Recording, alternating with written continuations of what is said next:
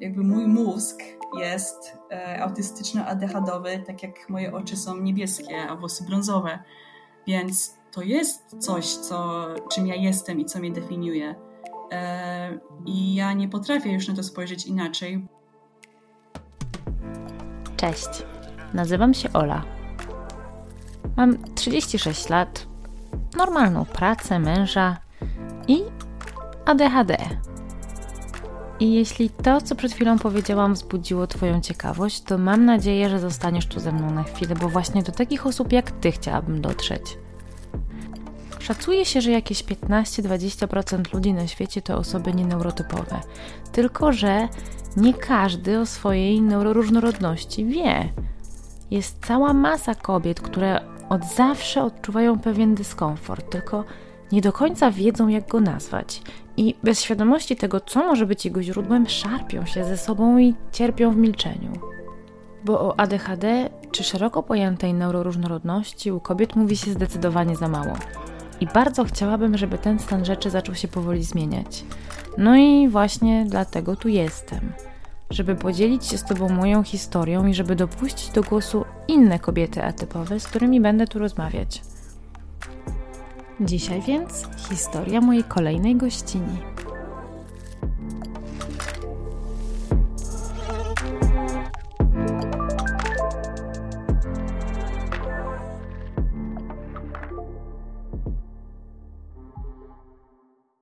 Do mojej dzisiejszej gościni napisałam parę miesięcy temu z myślą o tym, że nagram rozmowę z kobietą w spektrum, żeby trochę przełamać wreszcie to, że ja tu ciągle tylko gadam o tym ADHD.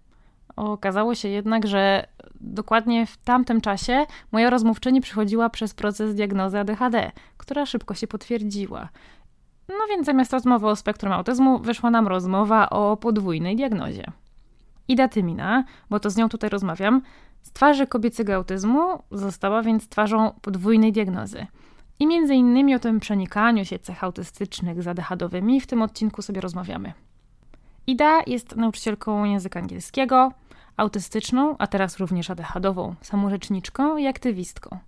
Zastanawiamy się zresztą w tym odcinku nad tym, czy i jak neuroróżnorodność może sprzyjać działalności aktywistycznej w ogóle.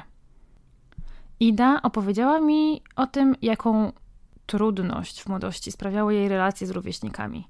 Jak czuła, że odstaje od reszty i mimo starań swoich i innych nie potrafi rozmawiać z ludźmi. Rozmawiamy tu również o tym, jak ważna była dla niej bezwarunkowa akceptacja ze strony jej rodziny i jak prawdopodobnie uchroniła ją przed wieloma potencjalnymi konsekwencjami w kwestiach zdrowia psychicznego. Wiele i wielu z Was pewnie już ideę jej historię zna, chociaż mam nadzieję, że pojawią się tu wątki wcześniej nieporuszane. Wiem też, że jest spora grupa osób ciekawych kwestii przenikania się ADHD i autyzmu w ogóle, więc mam nadzieję, że Wasza ciekawość zostanie przynajmniej częściowo zaspokojona. Cześć Ida. Cześć. Cieszę się, że mamy okazję dzisiaj rozmawiać, bo po pierwsze jest październik wreszcie, czyli miesiąc świadomości ADHD, a wiem, że ty w ramach tego miesiąca świadomości ADHD dość prężnie zaczęłaś działać, mm, ale też cieszę się z innego powodu. No bo ja tutaj w moim podcaście do tej pory dawałam dużo przestrzeni e, kobietom z ADHD, albo przynajmniej takim, które e, oficjalnie mają tylko diagnozę ADHD, ale założył, zależało mi na tym, żeby wreszcie móc porozmawiać e, z kimś, kto, komu kwestia neuroróżnorodności jest bliska też od strony spektrum autyzmu. Więc e, fajnie, że, że będziemy miały okazję o tym porozmawiać. E, no tylko, że właśnie, bo u ciebie ta diagnoza spektrum była tą pierwszą i to był ten, ten, ten pierwszy moment, kiedy ty w ogóle dowiedziałaś się, że jesteś osobą neuroróżnorodną. Jak to było? W moim przypadku to ten temat autyzmu przewijał się jakby przez większość życia, ponieważ już moja młodsza siostra była zdiagnozowana, jak była dzieckiem. Więc gdzieś zawsze wokół autyzmu byłam, e, miałam świadomość, że jest coś takiego. No i miałam też świadomość, że mam trudności, które wyglądają trochę jakby mogły być autystyczne, ale wtedy znałam tylko osoby, które są autystyczne i jednocześnie mają wysokie potrzeby wsparcia. I tak właśnie też było z moją siostrą, że ona była zdiagnozowana wcześniej, bo ona trochę bardziej rozrabiała i miała więcej problemów w szkole, e, bo jest też dyslektyczką. I e, ja nie robiąc nikomu zbyt wielu problemów, ucząc się dobrze, w ogóle y, nie, brałam, nie byłam brana pod uwagę jako ktoś, kto się kwalifikuje do jakiejkolwiek diagnozy. E, no i w tamtym czasie, w latach 90. i na początku XXI wieku, E, te skojarzenia, które ludzie mieli z autyzmem, były e, znacznie bardziej ograniczone niż już dzisiaj mamy, niż to, co ja na przykład pokazuję na moim Instagramie. I dopiero po wielu latach, już będąc dorosłą osobą, trafiłam na artykuł w czasopiśmie o autystycznych kobietach, właśnie takich niezdiagnozowanych wcześniej, tylko dopiero w dorosłości i się z tym bardzo utożsamiłam. E, I trochę jeszcze czasu zajęło, e, bo mm, chociaż zaczęłam trochę czytać o tym autyzmie i stwierdziłam, że pasuje, powiedziałam o tym moim rodzicom, oni stwierdzili, że nie, niemożliwe, bo ja nie mam takich trudności. Bo znowu jest to wyobrażenie, cały czas pokutowało i pokutuje do dzisiaj, że autyzm musi się wiązać z, z jakąś niesamodzielnością, z jakąś dużą niepełnosprawnością. E, więc znowu kolejne jakieś tam dwa lata mi zajęło, zanim rzeczywiście poszłam do psycholożki i tam jakiś czas później poszłam do już na taką diagnozę do miejsca, które się specjalizuje w tym diagnozowaniu autyzmu u dorosłych. No i tam uzyskałam to, to oficjalne potwierdzenie. No i tak jak wiem o tylu innych kobietach, ten moment właśnie uzyskania takiego formalnego, oficjalnego potwierdzenia był bardzo ważny dla mnie, bo to był ten moment, kiedy ja już przestałam mieć te wątpliwości, które mi cały czas gdzieś towarzyszyły, bo człowiek się zastanawia, e, no niby ten autyzm pasuje, ale przecież osoby autystyczne są inne niż ja. E, ja, ja nie, nie mam aż takich problemów, co ja tutaj będę sobie jakieś wymówki robić, a tak naprawdę to przecież sobie radzę. E, no i dopiero przejście tego takiego dość intensywnego procesu diagnozy z tym formalnym potwierdzeniem na końcu to był taki największy przełomowy moment dla mnie w całym tym procesie. No, czyli klasycznie po prostu wjechał syndrom szósta. E, a zdarza ci się, znaczy teraz pewnie już mniej, no bo już trochę czasu od twojej diagnozy minęło, ale zdarzało ci się jeszcze nawet po uzyskaniu tej diagnozy e, i tego potwierdzenia, e, po dostaniu tego potwierdzenia, tak powątpiewać w to? Nie, już nie. Bo też nie przestałam się interesować autyzmem i czytałam coraz więcej i więcej. Zaczęłam się zagłębiać bardziej w badania naukowe, w to, co rzeczywiście teraz wiemy. E, no i jest dla mnie coraz bardziej jasne, że autyzm jest znacznie szerszym zagadnieniem niż do niedawna myślano, dotyczy znacznie większej liczby osób. Nie jest wcale czymś oczywistym. Wciąż trudno jest zdefiniować, czym do końca ten autyzm jest. No i też w kontekście tego, o czym będziemy dzisiaj rozmawiać, że to ADHD jest tym czymś takim pokrewnym, to wszystko jest takie wciąż bardzo rozmyte. Są badania, które wskazują na różne rzeczy, ale to jeszcze nie do końca składa się na jakiś pełen obraz. Tak, to jest coś, o czym na pewno będziemy dużo dzisiaj rozmawiać, ale ja jeszcze chciałam trochę zostać przy, przy samym autyzmie i tym, jak u ciebie. Bo, no bo wspomniałaś o tym, że twoja siostra yy, młodsza, jak dużo młodsza? Trzy lata. Trzy lata. Um, tę diagnozę dostała wcześniej.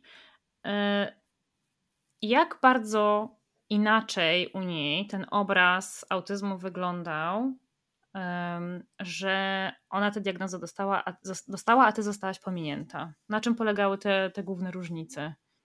Zastanawiałam się nad tym długo, jak e, sama już stwierdziłam, że jestem autystyczna bo nie jest to łatwe. Teoretycznie cechy są te same, tak? No, potem się rozpoznaje autyzm, że są te jakieś dane cechy, no i mamy te same cechy. E, ale myślę, że najważniejszą różnicą jest to, że moja siostra się nie maskuje. I to jest to. Że ja się przez całe życie bardzo maskowałam, bo mogłam, a to się opłaca, opłacało się. E, I to sprawiało, że e, kiedy ja nie chciałam sprawiać problemu, no bo chciałam się zajmować moimi sprawami, to wiedziałam, jak to zrobić, a moja siostra nie miała takiej możliwości. I przez to, a także inne dodatkowe trudności, które miała, że po prostu gorzej sobie radziła w szkole, mm, na przykład przez dysleksję, e, no to sprawiało, że szybko została zauważona jako dziecko, e, które jest inne e, i któremu trzeba jakoś pomóc. Mhm. A pamiętasz u siebie ten moment, kiedy, no bo mówisz, że ten, ten, gdzieś tam ten, ten temat, ta kwestia mm, towarzyszyła ci przez długie lata, ale pamiętasz ten taki moment, kiedy stwierdziłaś, że dobra, to musi być to, idę sprawdzić, idę to potwierdzić? Jeszcze raz, y, kiedy był ten moment? Czy mm -hmm, mm -hmm. czego, czego pamiętasz i, i, jak to wyglądało? Co, co było takim katalizatorem? Mm. E, to nawet w tamtym momencie nie było tak bezpośrednio, że, że autyzm i że muszę sprawdzić autyzm. Bo e, tak jak mówiłam, gdzieś trafiłam na tą informację, że jest to grono niezdiagnozowanych kobiet, które zostały jakby przegapione przez system.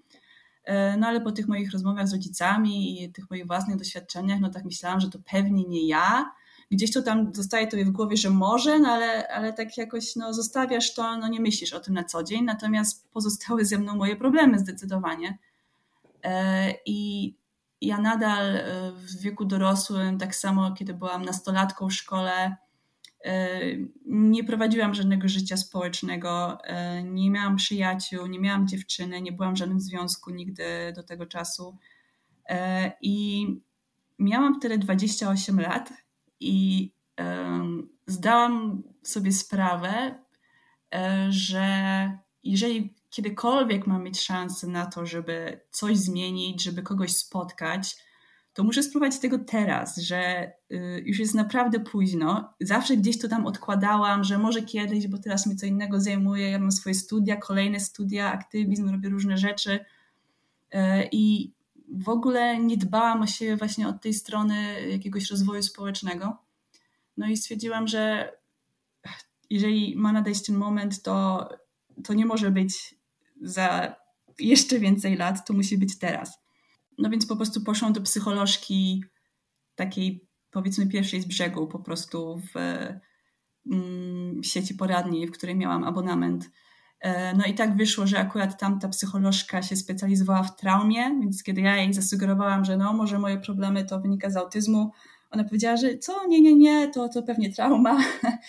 Później poszłam wobec tego do kolejnej osoby, tamta akurat psycholożka się specjalizowała w zaburzeniach osobowości, więc ona mówi, że no nie, nie, to pewnie nie autyzm, ale po prostu zaburzenia osobowości.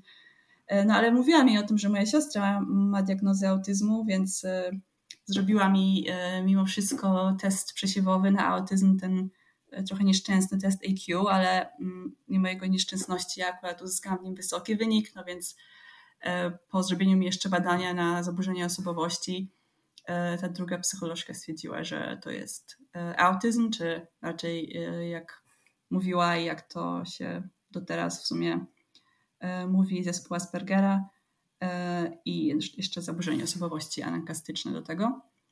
E, no i dopiero potem e, się zdecydowałam, żeby jeszcze pójść na taką pełną diagnozę.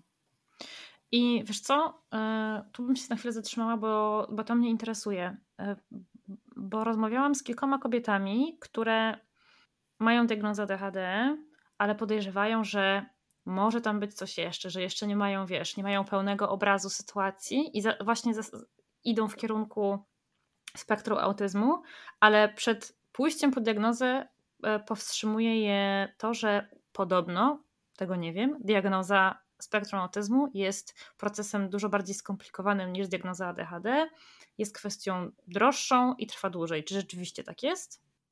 Trochę tak, E, chociaż no nie wynika to jakoś z tego, nie wiem, czym autyzm jest albo czym ADHD jest, ale po prostu e, autyzm jest jakby tak trochę do przodu, w sensie ta diagnostyka autyzmu jest trochę na wyższym poziomie, e, jest bardziej rozwinięta w Polsce o, w ten sposób, że jest więcej ośrodków, które zajmuje się tym tak już właśnie tylko tym, konkretnie tym, gdzie są specjaliści, którzy już od lat pracują właśnie, diagnozują osoby dorosłe.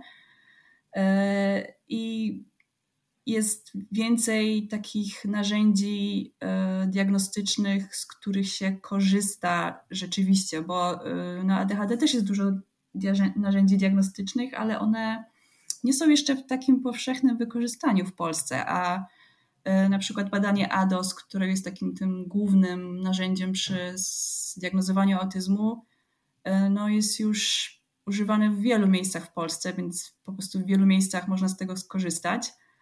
E, ale też rzeczywiście jest tak, że mm, często ta diagnoza jest organizowana tak porządnie, że jest cały zespół diagnostyczny, który cię analizuje, że jest przynajmniej jeden psychiatra, jeden psycholog.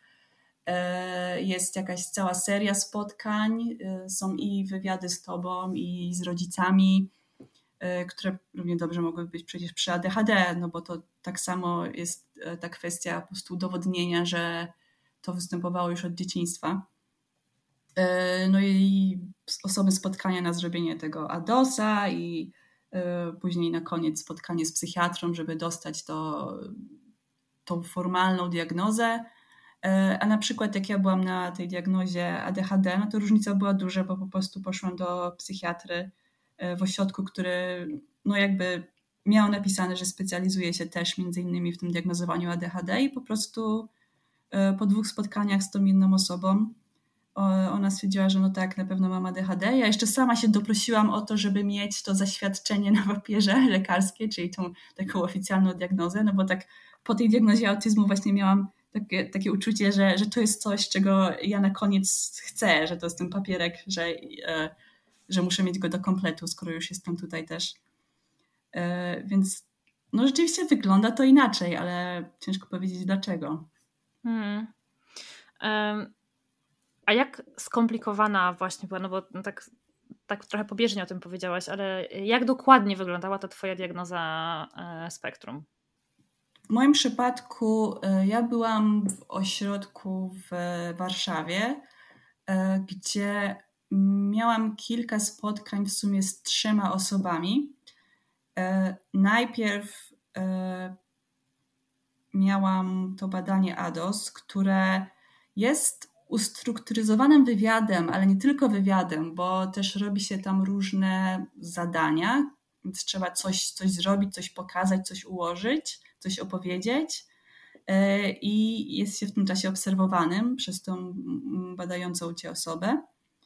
E, później miałam takie mniej ustrukturyzowane wywiady, żeby opowiedzieć o wszystkim, co mogłam sobie przypomnieć z mojego życia, co by mogło wskazywać na to, że jestem autystyczna.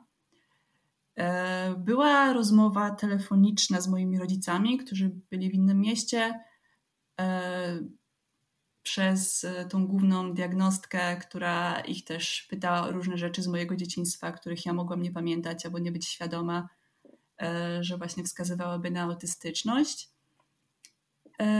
Miałam też osobne spotkanie z psycholożką, która zrobiła mi więcej takich różnych testów ogólnie na osobowość, na e, umiejętności społeczne. E, no i później na sam koniec takie jeszcze jedno spotkanie z psychiatrą, która była tą osobą, która ostatecznie e, zatwierdza całą tą diagnozę.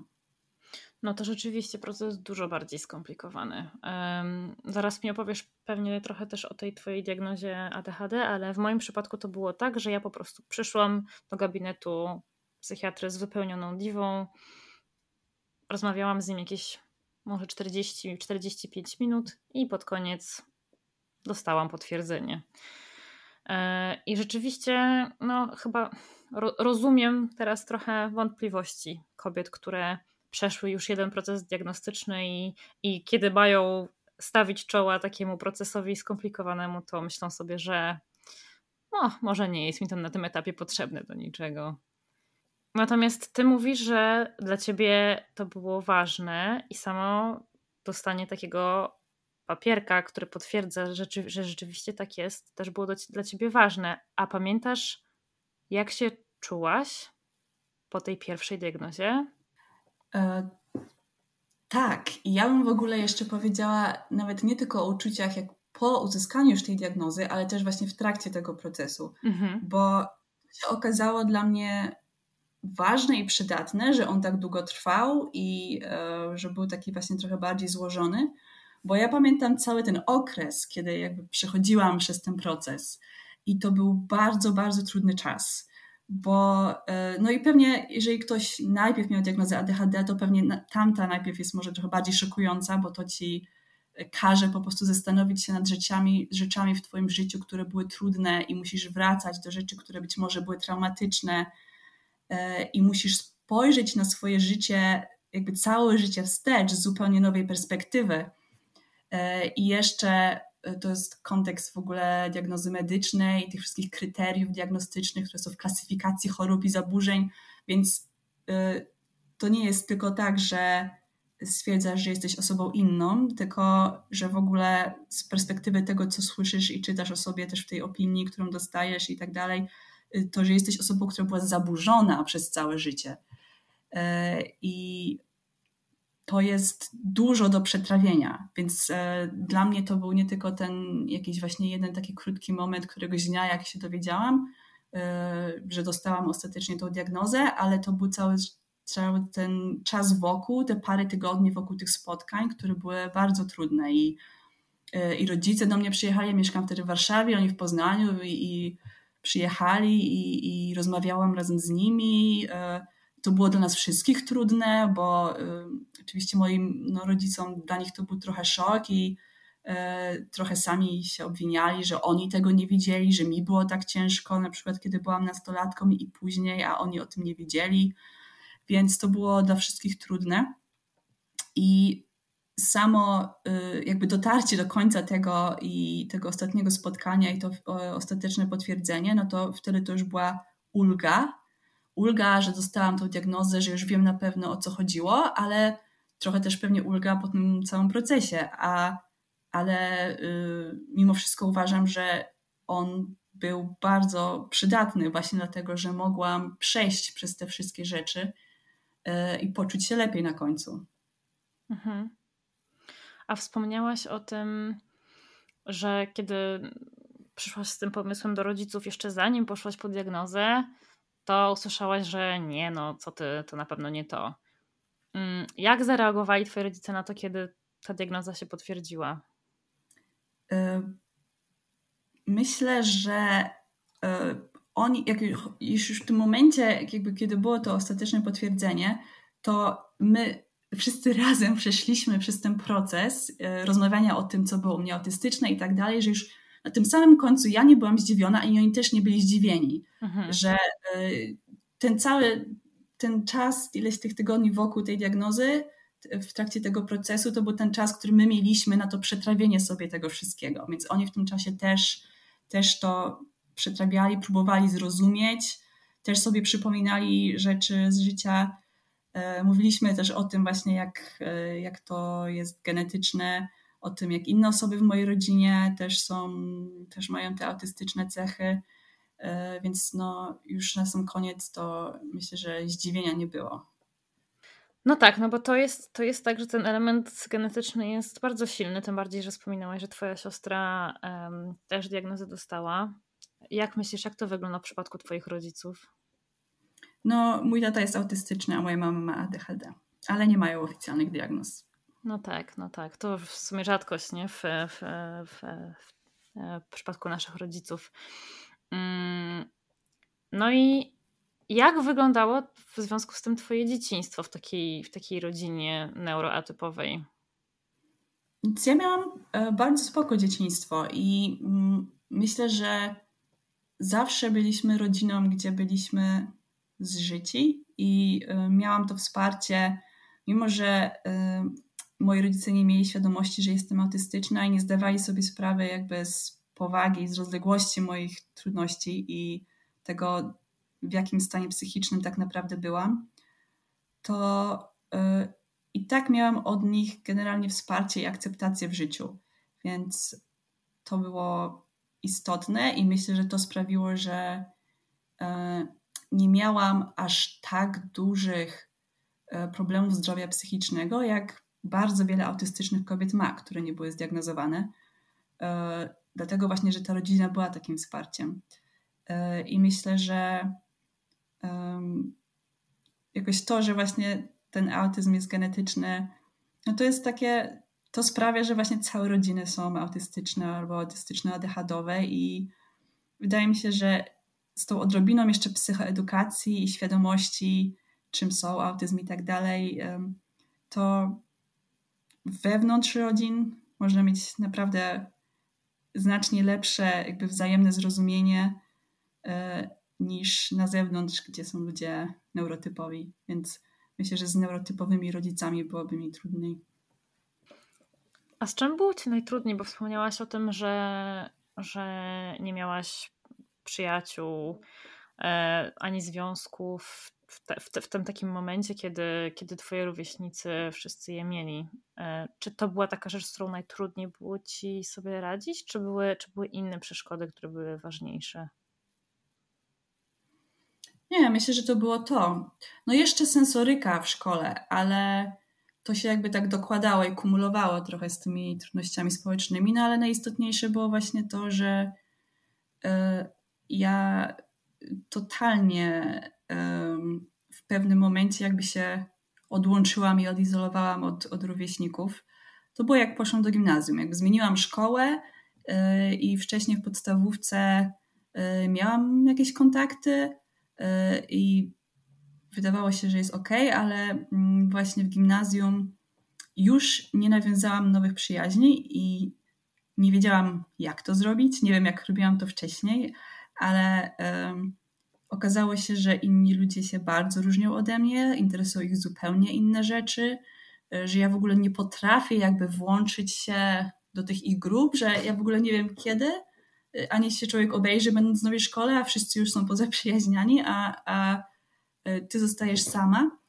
I później e, wszelkie próby jakieś e, pojedyncze, czy to z mojej strony, czy ze strony nawet czasami innych osób, które po prostu no, były życzliwe, bo w sumie chodziłam do fajnej szkoły, to no, jakoś zawsze kończyło się na niepowodzeniach, bo wydawało się, że po prostu zupełnie do siebie nie pasujemy i po prostu nie ma porozumienia między nami. E, no ale ja wtedy z jednej strony próbowałam to jakoś uzasadniać tym, że właśnie inni no, nie interesują się ciekawymi rzeczami, więc ja w sumie nie chcę się z nimi przyjaźnić i w sumie to mnie to nie interesuje. E, ale jednocześnie wstydziłam się tego, że, że jestem sama, bo wiedziałam, że to wynika z jakiejś nieumiejętności, że nawet jakbym chciała e, mieć tych przyjaciół, to bym nie potrafiła. E, no i było mi głupio w różnych sytuacjach, kiedy właśnie próbowałam coś zrobić, a potem się okazało, że no, to była jakaś żenująca próba. No więc zaczęłam się chować, ukrywać i tak już zostało na wiele lat. A czujesz, że ta diagnoza w tej kwestii trochę pomogła, że samo takie zrozumienie tego, z czego wynikały te problemy, pozwoliły ci jakoś inaczej podejść do tych kwestii i mm, wprowadzić jakieś zmiany? Zdecydowanie tak. To zmieniło wszystko, bo yy, zrozumiałam, co mnie odróżnia. Zrozumiałam, że są inni ludzie, że jest mnóstwo innych ludzi, innych kobiet, które mają tak jak ja. Yy, zaczęłam po prostu wchodzić w relacje z tymi osobami, z autystycznymi, które gdzieś zaczęłam poznawać w internecie i nie tylko. E, no i już jakby wiedząc, z czego wynikają moje słabości, w ogóle jakby jakie mam słabości, a jakie mam mocne strony, e, to sprawiło, że poczułam się znacznie pewniej e, i no na tyle pewnie, żeby zacząć e, poszukiwać relacji romantycznej i wtedy dopiero to stało się możliwe i w ogóle no jakby stało się bardzo nagle. Tak jak wcześniej w ogóle tego nie szukałam, bo wydawało mi się, że to po prostu będzie niemożliwe, że jakieś pójście na randki, coś takiego, to są jakieś sytuacje nie do przejścia, to jest po prostu fizycznie niemożliwe dla mnie. Tak już właśnie po tej diagnozie, nie tak długo, po rozpoczęciu terapii też yy, i po tym, jak poznałam dużo osób autystycznych, tak nagle się okazało, że właściwie to, to mogę się skontaktować z jakąś dziewczyną, umówić się i, i nagle jestem w relacji i, yy, i to wcale nie jest jakiś taki kosmos, jak myślałam. A w terapii nadal jesteś, czy, czy, czy już ją zakończyłaś? E, zakończyłam to, w której byłam wcześniej, ale to już było jakiś czas temu i teraz chciałabym wrócić, więc teraz tak jakby się, się szykuję na jakąś kolejną porcję terapii. A w jakim nurcie to była terapia? Poznawczo-behawioralnym. No i on zdecydowanie mi odpowiadał, więc chcę znowu pójść do tej samej po prostu terapeutki w tym samym nurcie.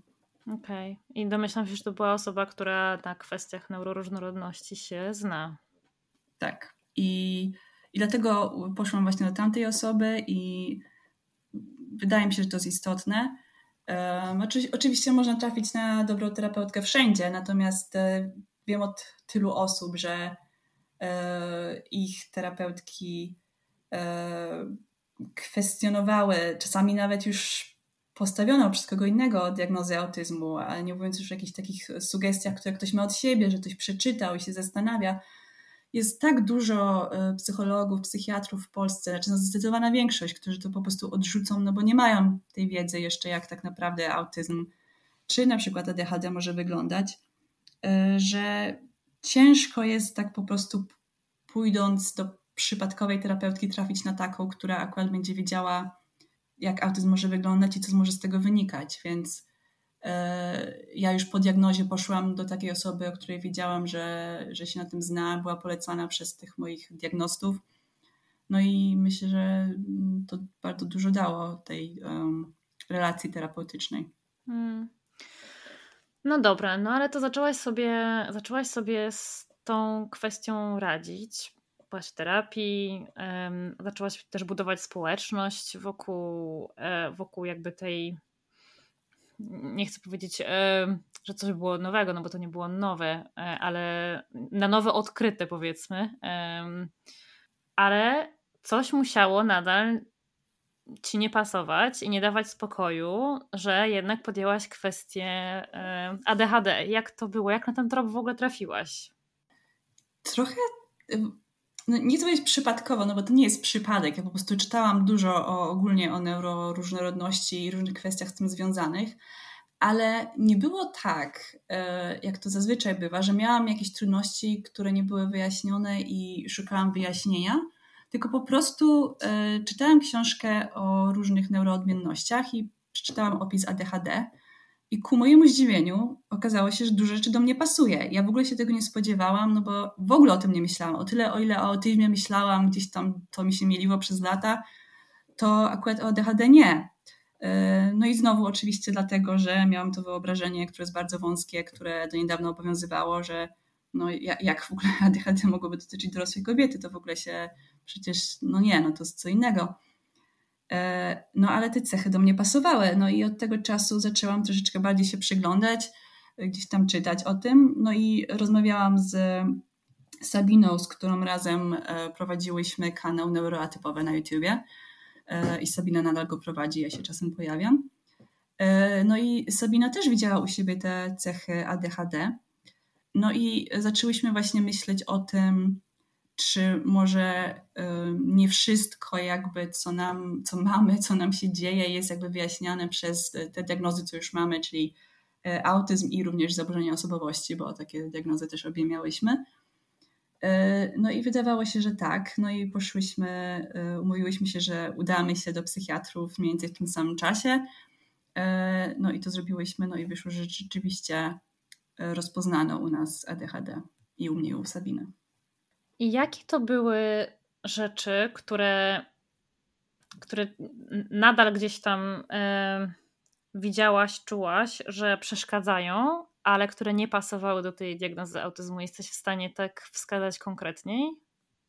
Um, wiem, co jest e, źródłem największych trudności. Mhm. E, natomiast ja właśnie wcześniej tak przypisywałam to autyzmowi, no bo głównie chodzi o kwestie związane z trudnościami wykonawczymi. No i też się mówi o zaburzeniach funkcji wykonawczych przy autyzmie.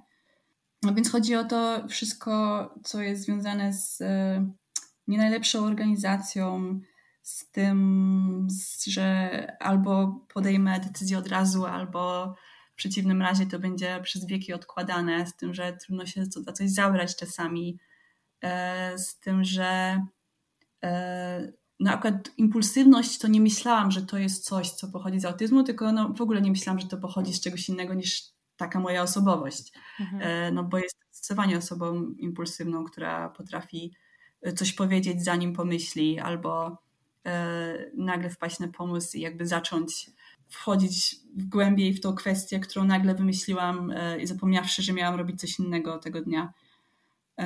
Na przykład właśnie jak dzisiaj z nagraniem tego podcastu zaczęłam robić e, wystąpienie, przygotowywać na konferencję i tak robiłam, robiłam, aż no w ogóle zapomniałam, że miałam coś innego robić dzisiaj. No więc to jest charakterystyczne, ale mm, no nie szukałam tego wyjaśnienia wcześniej, dlaczego tak jest. I to jakby wyjaśnienie samo mnie znalazło. więc tak śmiesznie trochę. E, I to jest też w ogóle bardzo ciekawe, i ja o tym ostatnio coraz częściej myślę w kontekście osób, którymi się otaczam. To takie właśnie próbowanie przypisania konkretnych objawów, cech do konkretnego zaburzenia neurorozwojowego, no bo, no bo tych, tych, tych takich kwestii, które się pokrywają, jest bardzo dużo, jak sama wiesz kwestie sensoryczne na przykład, nie? Tutaj mogą występować i w przypadku autyzmu, i w przypadku ADHD, tak jak mówiłaś, e, zaburzenie funkcji wykonawczych. Więc co jeszcze, jeszcze jest z drugiej strony ciekawe, to, to to, że ja próbowałam, kiedy, kiedy postanowiłam, że chcę porozmawiać e, z osobą z, w spektrum, zaczęłam e, rozglądać się po, po profilach na Instagramie i zaczęłam rozumieć, jak wiele kobiet, które najpierw dostały diagnozę spektrum, teraz odkrywają, że tak naprawdę dotyczy je też kwestii ADHD.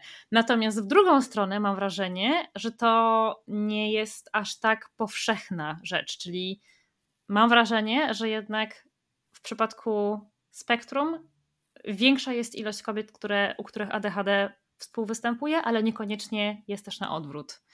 I chyba też tak statystyki e, pokazują, nie? Tak, tak wychodzi z badań, że no po prostu wydaje się, że więcej osób ma ADHD. E, I e, duża większość osób, które są autystyczne, ma też ADHD, ma cechy ADHD. Natomiast jest grono osób, tak by wynikało z tego, co się udało ustalić, które mają te cechy ADHD, a nie autyzmu. Natomiast to na pewno nie jest jakieś ostatnie słowo w tej kwestii I e, pisałam już kiedyś na moim Instagramie o takim ciekawym badaniu, na które trafiłam, gdzie wzięto właśnie osoby, e, które miały diagnozy z jednej strony autyzmu, inne, które miały ADHD, a jeszcze OCD też było, czyli osoby z tą diagnozą zaburzeń obsesyjno-kompulsyjnych. I wzięto te osoby razem, jakby mm, zignorowano ich diagnozę, a zamiast tego zrobiono im kwestionariusze na ich różne cechy i również zbadano ich mózg i jakie są aktywności poszczególnych obszarów mózgu. I żeby sprawdzić, czy jakby to, co uzyskają, e, będzie znowu wskazywało na to, że to są trzy grupy ludzi: autyści, ADHD-owcy i ci z OCD. No i okazało się, że nie, że uzyskali znacznie więcej grup.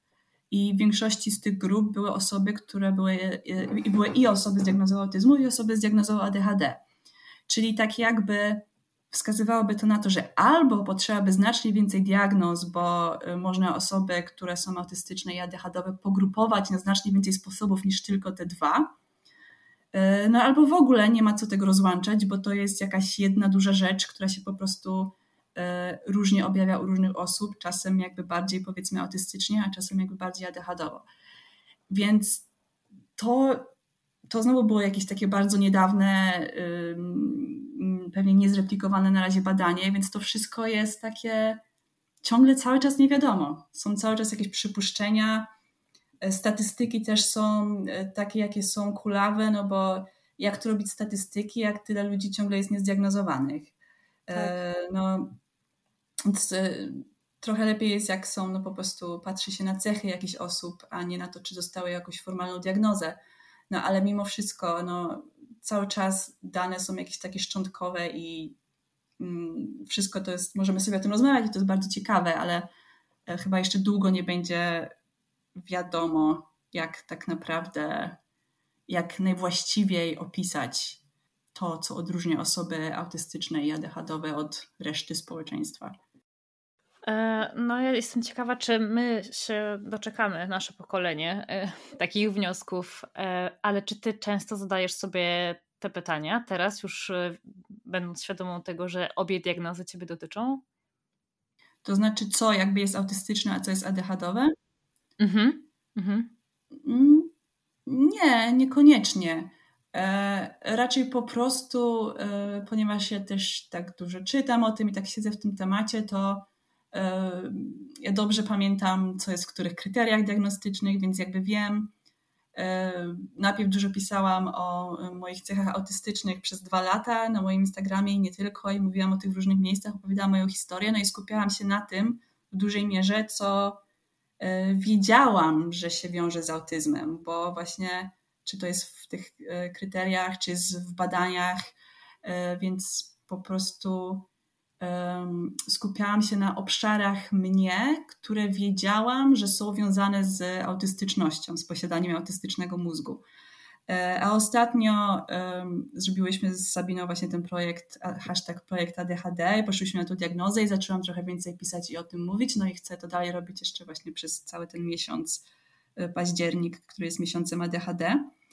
No i teraz y, staram się, albo po prostu pisząc o tym, znowu uwypuklam to, co wiem, że jest jakby powszechnie, czy po prostu według badań, czy kryteriów diagnostycznych wiązane z ADHD. Więc mówię nadal o sobie, o tej samej osobie, e, o tej samej osobie co zawsze, ale tym razem podkreślam te aspekty w moim życiu, które się wiążą z impulsywnością, z tym, że to się robię szybko, szybko, szybko, albo e, dużo rzeczy próbuję zrobić naraz i potem zapominam o czymś ważnym. Więc po prostu jako osoba, która pisze o tych rzeczach, e, trochę wybieram różne filtry w zależności od tym, o czym akurat chcę napisać. Ale tak jakby w moim normalnym życiu nie zastanawiam się, czy coś, co zrobiłam, wynikało bardziej z autyzmu czy z ADHD, no bo ja też już tak w mojej głowie trochę mam takie to myślenie, cały czas o tym pamiętam, że czy to są te osobne rzeczy, czy nie, ciężko powiedzieć, więc aż jakby nie, nie debatuję już e, sama w sobie tak bardzo na to, czy to jedno, czy to drugie. Hmm. Ja się e, zapytałam Cię o to, bo dosyć często widzę takie na, w, w, na grupie dla osób dorosłych z ADHD na Facebooku bardzo często pojawiają się dyskusje na temat tego, w, w kontekście często farmakoterapii. Ludzie zadają sobie pytanie, wiesz, gdzie kończę się ja, a zaczyna moje ADHD albo w ogóle moja neuroróżnorodność, nie? Czy, czy leki cię zmieniają? Co jest jakby częścią twojej osobowości, a co wynika a co wynika z twojej neuroróżnorodności. Dla niektórych to, wiesz, nie ma znaczenia, no bo po prostu e, jestem jaka jestem i, i, i wiem, z czym mam do czynienia i, i, i tak żyję. Ale czy dla ciebie to ma jakieś znaczenie?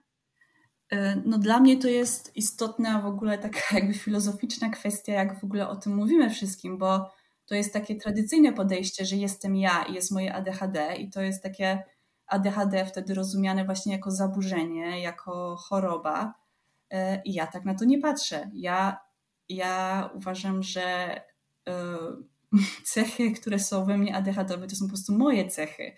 E, jakby mój mózg jest e, autystyczno-ADHD, tak jak moje oczy są niebieskie, a włosy brązowe. Więc to jest coś, co, czym ja jestem i co mnie definiuje.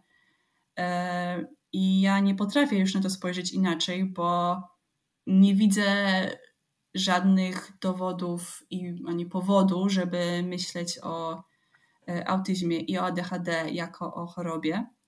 E, a skoro tak, to ja również nie, nie będę na to patrzeć, że jestem jakaś ja, która, e, jakiś mój, nie wiem, rdzeń, który jest po prostu, a potem do tego jest część mnie, która jest ADHD. No zupełnie nie potrafię tak myśleć o tym już. Hmm. A bierzesz leki? E, zaczęłam dopiero, więc to jest e, sam początek i ta mm, bardzo początkowa dawka e, Medikinetu i na razie obserwuję, czy nie mam przypadkiem jakichś zaburzeń, takich tych, jak to się mówi, objawów ubocznych. Mhm. Nie, jak się mówi? Efektów ubocznych? efektów ubocznych, tak. No bo wydaje się, że mam utratę apetytu, no ale słyszałam, że to może minąć, więc no będę czekała. Zobaczę. Tak, to, to bardzo, często, bardzo często jest tak, że Medikinet trochę osłabia apetyt. Nie u wszystkich mija. Ja chyba mam tak do dziś że, że hmm. jednak ten apetyt jest słabszy. To niedobrze. Jest... To niedobrze, bo ja i tak mało jem i nie mogę jeść jeszcze mniej, więc... E, to, jest, to jest w ogóle bardzo ciekawe. E, powiem Ci, że za kilka dni e, wyjdzie u mnie odcinek, w którym rozmawiam z dietetyczką Anią Trojanowską. Nie wiem, czy znasz Anatomia Diety, która pracuje z osobami, głównie z osobami neurotypowymi i zajmuje się kwestią właśnie bardzo często zaburzeń odżywiania w kontekście neuroróżnorodności, co jest niestety no, jedno z drugim dość często idzie w parze. A tak, a w przypadku y, spektrum no, jest kwestia wybiórczości pokarmowej, przy czym właśnie Medikinet niestety nie pomaga w tym temacie. Także to jest, jest, to, jest, to, jest to problem. Um, ale są sposoby na to, żeby sobie z tym radzić, więc to jest dobra wiadomość. E, a jeszcze, wiesz co, chciałam Cię zapytać taką jedną rzecz, bo to jest dla mnie mega ciekawe w kontekście neuroróżnorodności. Czy Ty czujesz, że to ona może być u Ciebie takim trochę motorem do Twojego działania aktywistycznego? W znaczeniu, że no bo jest przedmiotem mojego działania, ale czy to masz na myśli, czy masz na myśli to, że ja jestem osobą, która jest neuroodmienna i to mam przez to, no, mam jakieś cechy, które predysponują do tego, żeby być aktywistką? Dokładnie, dokładnie Pierwsze, tak. Drugie. Y, y, y, drugie, bardziej drugie, chociaż pierwsze też, no ale bardziej drugie. Um, no to tak, tak, bo e, można powiedzieć, e, że Teraz zostałam tak trochę ostatnio naprostowana w innej kwestii, bo myślałam, że. E, bo ja mam też to, okej, okay, diagnozę mam jeszcze e, osobowości anankastycznej, która jest zaburzeniem mhm. osobowości. E, I ja ogólnie jestem perfekcjonistką i to można po prostu przypisać właśnie temu, że no to jest jakieś zaburzenie, które powstało po prostu w ciągu mojego życia, no bo tak jak wiele osób właśnie neuroodmiennych ma te trudności, że y, nie są do końca akceptowane albo mają y, jakąś niską samoocenę, bo widzą, że są inne, że coś jest nie tak, no i to, to powoduje do rozwinięcia tego, tego typu zaburzeń osobowości, czy jakoś predysponuje. Ale y, ja trochę widzę to właśnie tak, jakby ten, tą moją motywację do działań aktywistycznych, że ja widzę, że coś jest nie tak, jakby w społeczeństwie, że coś, coś brakuje albo coś jest do zmienienia, więc ja muszę to zmienić. I y, wcześniej działałam na rzecz y, największego, moim zdaniem, w ogóle problemu, jaki mam na świecie, czyli znaczy na rzecz, raczej na przeciwko czemuś, y, czyli hodowli zwierząt. Mhm. I, I dla mnie to było tak, że ponieważ ja jakoś w moim logicznym rozumowaniu doszłam do wniosku, że to jest największy problem, to znaczy, że trzeba się nim zająć i wobec tego ja muszę się nim zająć. E, I miałam trochę trudność, żeby zająć się aktywizmem takim właśnie mm, samorzeczniczym, autystycznym, zostawić tam to, co uważałam za najważniejsze.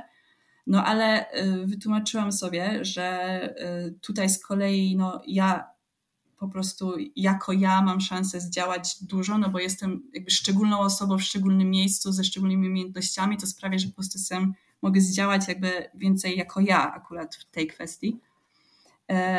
Ale to, co mnie motywuje, to jest właśnie to, że widzę, że jest to wszystko źle, że ludzie nie rozumieją, czym jest autyzm i powinni to zobaczyć, bo przez to kobiety nie wiedzą, że są autystyczne i przez to cierpią, tak jak ja cierpiałam i tak nie może być. E, więc trochę ja wcześniej myślałam, że to, że ja mam takie dość właśnie sztywne, że tak ma być i w związku z tym ja zrobię wszystko, żeby tak było, że to jest takie autystyczne ale zostałam ostatnio naprostowana, że to może jest bardziej jednak to zaburzenie osobowości, więc teraz się zastanawiam nad tym. Ale myślę, że ogólnie wśród y, autystycznych y, i pewnie ADHD-owych kobiet jest dużo właśnie takich osób, które są też bardzo takie wrażliwe y, w sensie takiej empatii emocjonalnej, że jak widzimy cierpienie, to chcemy pomagać. No i to też na pewno jest dużym motywatorem u mnie. Tak, totalnie. E, bardzo często o tym rozmawiam z osobami, które spotykam na swojej drodze, które są neuroróżnorodne, ale też dzisiaj rozmawiałam o tym z moim mężem, e, bo my jesteśmy bardzo wyczuleni na takie poczucie niesprawiedliwości. No a w dodatku w momencie, kiedy wiesz, jesteśmy jeszcze na świeżo po diagnozie, mamy, włącza się w nas taka chęć działania, nie? I, i z, zmieniania świata, więc to jest, ja myślę, że to jest bardzo też neuroróżnorodne, dlatego tak mnie zaskoczyło to, że, że to może być też kwestia zaburzenia osobowości. Zresztą znaczy, ta... to jest przewrotne w sumie, żeby to powiedzieć, że zaburzenie osobowości sprawia, że jestem, nie wiem, taką dobrą, skuteczną aktywistką albo coś. No ale um, po prostu rzeczywiście staram się tak zajrzeć w siebie, żeby zastanowić się, co, co mnie realnie motywuje. No i dla mnie to jest taka gwałtowna niezgoda na coś, co postrzegam, że jest nie tak. Mhm. To jest, to jest bardzo ciekawe i chyba muszę się temu głębiej przyjrzeć w kwestii badań. Próbowałaś kiedyś dotrzeć do, do, do badań, które, które mogą pokazywać, z czego to może wynikać rzeczywiście? Um, wynikać, ale, ale co wynikać? Bo trzeba by to dobrze zdefiniować w takim razie, co wynika, że wysoki odsetek osób y, aktywistycznych wśród osób neuroodmiennych? Mhm, tak. Tego nie widziałam. To jest, to jest ciekawe. Do zbadania w takim razie. um, słuchaj, ja tak już chyba na podsumowanie chcę Ci zadać jeszcze jedno takie pytanie, bo to jest rzecz, o którą ja najczęściej pytam um, moje gościnie na koniec, a to jest kwestia bardzo Tobie bliska.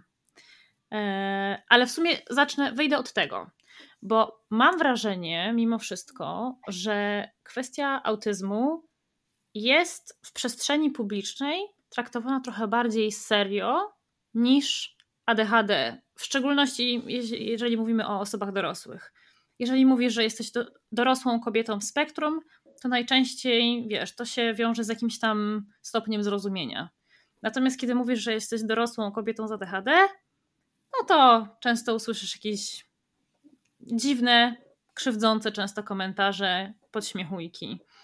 Hmm, czy ty też czujesz taką różnicę osobiście? No, wydaje mi się, że to jest możliwe, że, że to, co mówisz tutaj ma, brzmi znajomo i ma sens.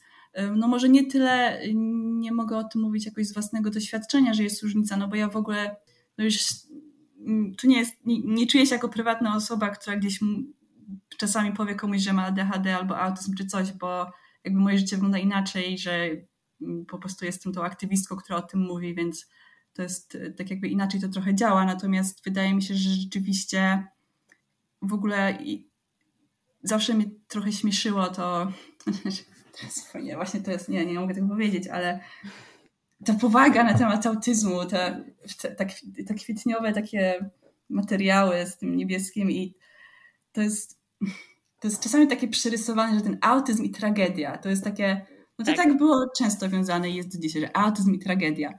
Natomiast nie ma czegoś takiego jak, że ADHD i tragedia, prawda? Mhm. No i um, to, to w ogóle nie wynika z niczego, to jest po prostu taki, taki dyskurs, jaki jest, ale to nie wynika zupełnie z niczego. A gdybyś miała wpływ na to, co znaczy jakiś tam masz właśnie, jako że działasz, e, działasz e, jako aktywistka w tej sferze, ale gdybyś miała większy wpływ, gdybyś mogła wpłynąć na to, co ludzie wiedzą o neuroróżnorodności w ogóle, ale tak wiesz, mówię tutaj o, o ogóle społeczeństwa. I gdybyś mogła wybrać taką jedną rzecz, którą ludzie wiedzą, a której najczęściej się jednak mimo wszystko w Polsce nie wie o neuroróżnorodności, to co by to było? Myślę, że może to po prostu, że jest nas tak dużo. Y, tego ludzie sobie nie zdają z tego sprawy, że myślę, że wiele osób, które w jakichś środowiskach swoich rodzinnych miastach, e, jak tam pojadą z diagnozą autyzmu, to wszyscy będą wielce zdziwieni i będą myśleli, że wow, to niesamowite.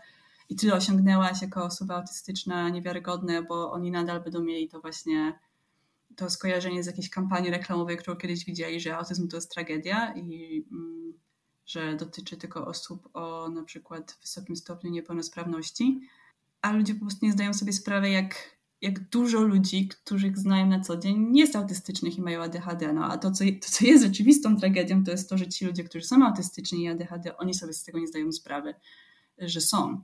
E, no więc to jest też to, na czym mi najbardziej zawsze zależy w tym akurat aktywizmie, żeby to zmienić, żeby ludzie sami o sobie mogli się dowiedzieć. E, I do tego zawsze dążę najbardziej. Na razie. Myślisz, że jest szansa na to, żeby, żeby ta świadomość się rzeczywiście zwiększała?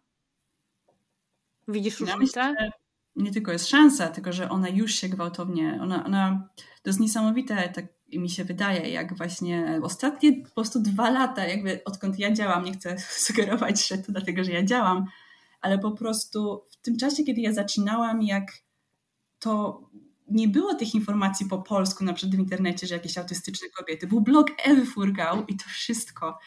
I to w przeciągu tych dwóch lat, jak dużo jakby zostało powiedziane i, i w takich mediach publicznych, i, i nawet ja byłam w telewizji raz, więc po prostu wydaje mi się, że jest boom, który y, jest naprawdę niesamowity i na pewno wciąż do wielu osób ta wiedza nie dotarła, no bo y, najwięcej jest jej jednak w internecie, nie wszyscy aktywnie korzystają z Instagrama czy z YouTube'a. Y, I no na pewno najwolniej dociera do jakichś tam starszych pokoleń, ale już te najmłodsze osoby, te nastolatki, E, to wydaje mi się, że wśród nich ta e, wiedza na temat autyzmu jest naprawdę znacznie większa i że dużo osób właśnie już tak samych e, widzi, sami u siebie widzą, że mają te autystyczne cechy, bo zobaczyli coś o nich na TikToku albo na Instagramie. Więc ja myślę, że no już te kolejne pokolenia właśnie będą dorastały w innej sytuacji, jeśli chodzi o tą wiedzę związaną ze neuroróżnorodnością. Tak, i ja myślę, że tak jak mówisz, yy, nawet patrząc na to, jak osoby, z którymi ja rozmawiam, trafiły na trop swojej neuroróżnorodności, to najczęściej były właśnie media społecznościowe. TikTok, Instagram, jakiś filmik na YouTubie, gdzieś, który przypadkiem gdzieś algorytmy poprowadziły e, w tę stronę, więc e, no tak. Ja też widzę, ja też widzę to, że chyba jesteśmy u progu, u progu jakiejś, jakiejś dużej rewolucji w tej kwestii. Także. Tak, tak mi się wydaje. E, także cieszę się, że jesteś i że robisz to, co robisz. E, I życzę Ci, żeby udało Ci się dotrzeć do, do jak największej e, liczby osób. Dzięki bardzo. Dziękuję Ci.